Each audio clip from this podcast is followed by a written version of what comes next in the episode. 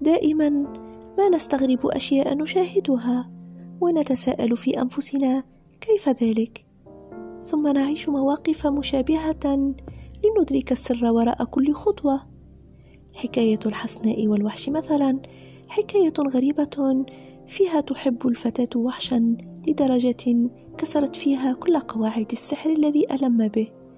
والعادي أن تترك هذه القصة في أنفسنا حيرة كبيرة. وتمر الأيام تمر السنين. لأحب شخصا عاديا كباقي الناس لطيف لبق حنون إلى آخره من صفات الرجولة. والذي يتحول حين يغضب إلى إنسان مخيف لدرجة كبيرة لدرجة أن قلبي يكاد في كل مرة يتوقف من الخوف. ورغم ذلك فأنا أحبه ولا يؤثر هذا على حب البتة بل يزيده في كل مرة.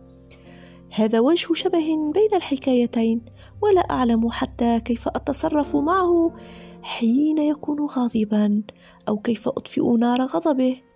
جربت جميع الطرق ولكنها تبوء بالفشل في كل مرة سوى أني أجعله يأخذ وقتا رويدا رويدا للعودة إلى طبيعته الهادئة. إلى ذلك الحين فأنا أتألم كثيرا أتألم لأجله.